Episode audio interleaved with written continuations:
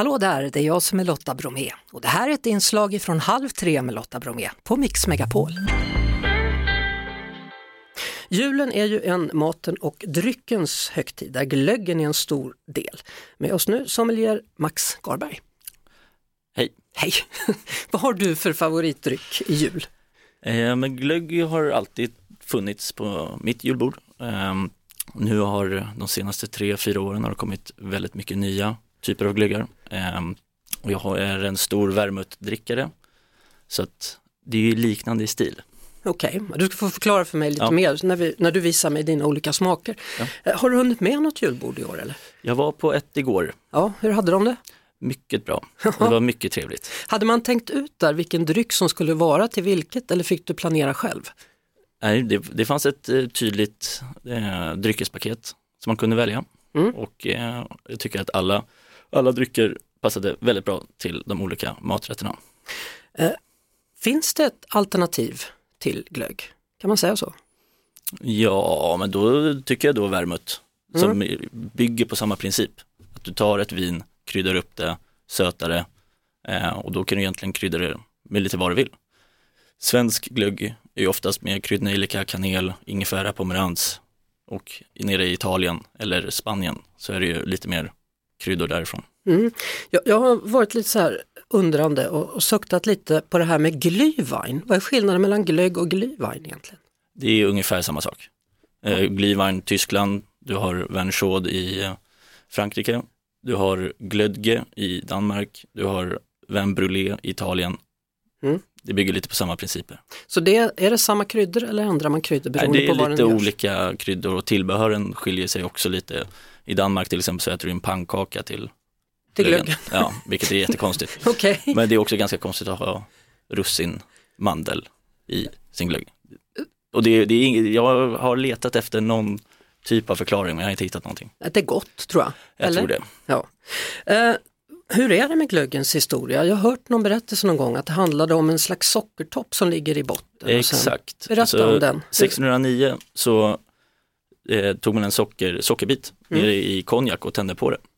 Då blev drycken varm och söt och efter det så har man börjat liksom eh, improviserat och, och, och eh, experimenterat med, med olika, framförallt socker då, men också att värma upp drycken och tillsatt lite olika eh, kryddor. Mm. Jag tänker Gustav Vasa, han använde sig av eh, vin från Ren i Tyskland och eh, hade väldigt mycket pomerans i sitt.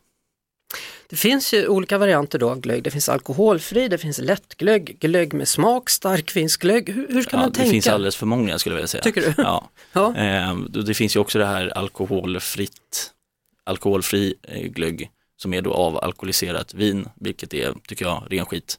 Eh, utan då tar jag hellre i så fall saftglögg. Som för det, det, det blir mycket, mycket godare. Ja, sommelierer brukar säga det, det här med avalkohol, Nej, det ska man hålla sig borta från. ja, Ja, det ska, man- ja. oavsett tydligen. Eh, Okej, men det finns starkvinsglögg och det finns lättvinsglögg Ja. då antar jag man kan säga. Starkvinsglöggen är väl mest traditionellt. Eh, men vi blir ju mer och mer moderna i vårt samhälle. Så att man ska dricka mindre alkohol. Eh, så istället för att avstå kanske från starkvinsglöggen helt så gör man någon annan variant på det. Hur mycket av alkoholen försvinner då när man värmer upp glöggen? Eh, inte så mycket, du, du stormkokar ju aldrig en glögg. Alltså om du tänker när du serverar den så det, då brukar det stämma ganska bra eh, vad det står på, på etiketten. Och nu så har han hällt upp i tre små glas här då, där vi ska ta och testa. Ska vi börja med den vanligaste eller den här ovanliga tar vi då? Den, vi tar den här lite ovanliga. Eh, då är det då Glögg di Rosso numero uno heter den. Och då kommer då eh, själva liksom basen kommer från Piemonte, nordvästra, nordvästra Italien, eh, gjort på druvan Barbera. Eh, upp, liksom sötad och sen eh, kryddad med lite pomerans, ingefära, kanel, kryddnejlika. Det roliga med den här, dels är den inte uppvärmd och dels så har man inte vare sig mandel eller russin till den och jag känner inget behov av det faktiskt. Inget behov, Nej, den är god i sig själv. ja, Men du kan, alltså, runt 20 grader kanske, Mm. det är väldigt trevligt. Mm. Men du kan också dricka den lite kallare, kan dricka den på en isbit utan problem. ja faktiskt. Ja, den var bra. Ja, vad härligt. Och jag var ju liksom för mandel och russin men nu säger jag nej, den kan man dricka utan mandel och russin. Ja, bra. Vad kostar den nu? då? 220 Den spänn. kostar 220 kronor på vårt kära monopol. Så, ja, Ja. så var det med den. Nu tar vi i mitten här då. Mitten, då är det en, en blossa, En blossa. Lätt, lättvinsglögg, Ja. 2,2 procent. Ja du, det, Smak. för min del är det för sött. Mm. Mm, den är lite sötare Ehm, och den här skulle man kanske vilja värma upp lite. Ja, och den här att- skulle jag nog vilja ha mandel och russin i. Absolut, Ja. det behöver någonting som komple- komplementerar den, hela, den här drycken. De gör ju så att varje år så har man ju en, en speciell smak då. Ja. Och jag tror att New Orleans tror jag var smaken i år, jag vet inte riktigt hur det är. Ja, det, är- det är en väldigt konstig smak skulle jag vilja säga. Det är, du har en, prövat den? Nej, det har jag inte gjort, men Nej. det låter, Skumt ja. ja, det låter lite skumt eftersom att New Orleans är en av de största matstäderna i USA. Ja, tydligen så är det så att man, man reser till de här olika platserna då som man har be- bestämt att man ska döpa de här blossaglöggarna ifrån då. Och så ser man vad har de för liksom typisk drink för just den stan och så försöker man blanda i det i glöggen då. Ja, Ja, så var det med det. härligt. Ja, nu går vi på den sista då som jag tittar på så tänker jag så här, men gud har han tagit med en roséglögg? Det visste jag inte att det fanns. Ja, men det trendigaste som har hänt Sverige inom vinvärlden de senaste 15 åren är ju orange vin. Eh, Så att du tar alltså, gör, enkelt förklarat, du gör rött vin på gröna druvor. Så det här är då en, eh, en druva som heter um, Trebbiano, kommer från Marche i Italien.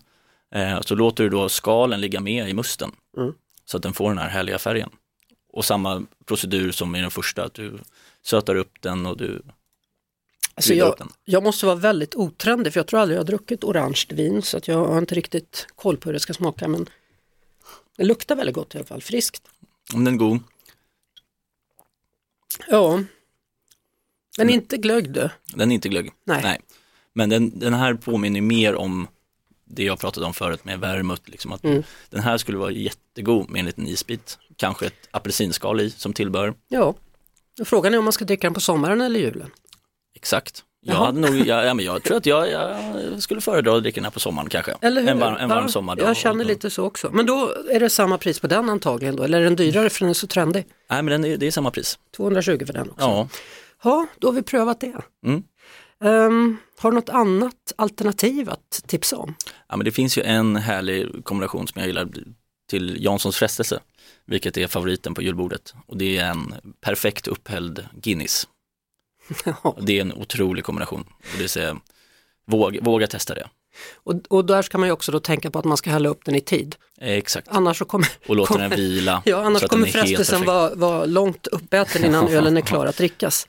Ja, ja. Men utöver det så tycker jag alltid att en, en god nubbe av valfri, vad man, vad man känner för och en kall lager tycker jag är gott.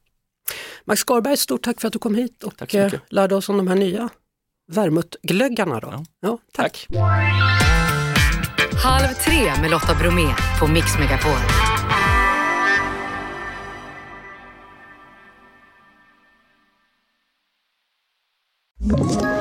Ett poddtips från Podplay.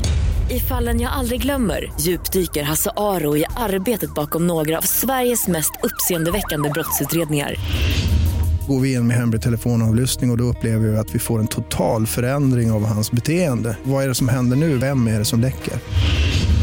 Och så säger han att jag är kriminell, jag har varit kriminell i hela mitt liv men att mörda ett barn, där går min gräns. Nya säsongen av Fallen jag aldrig glömmer på Podplay.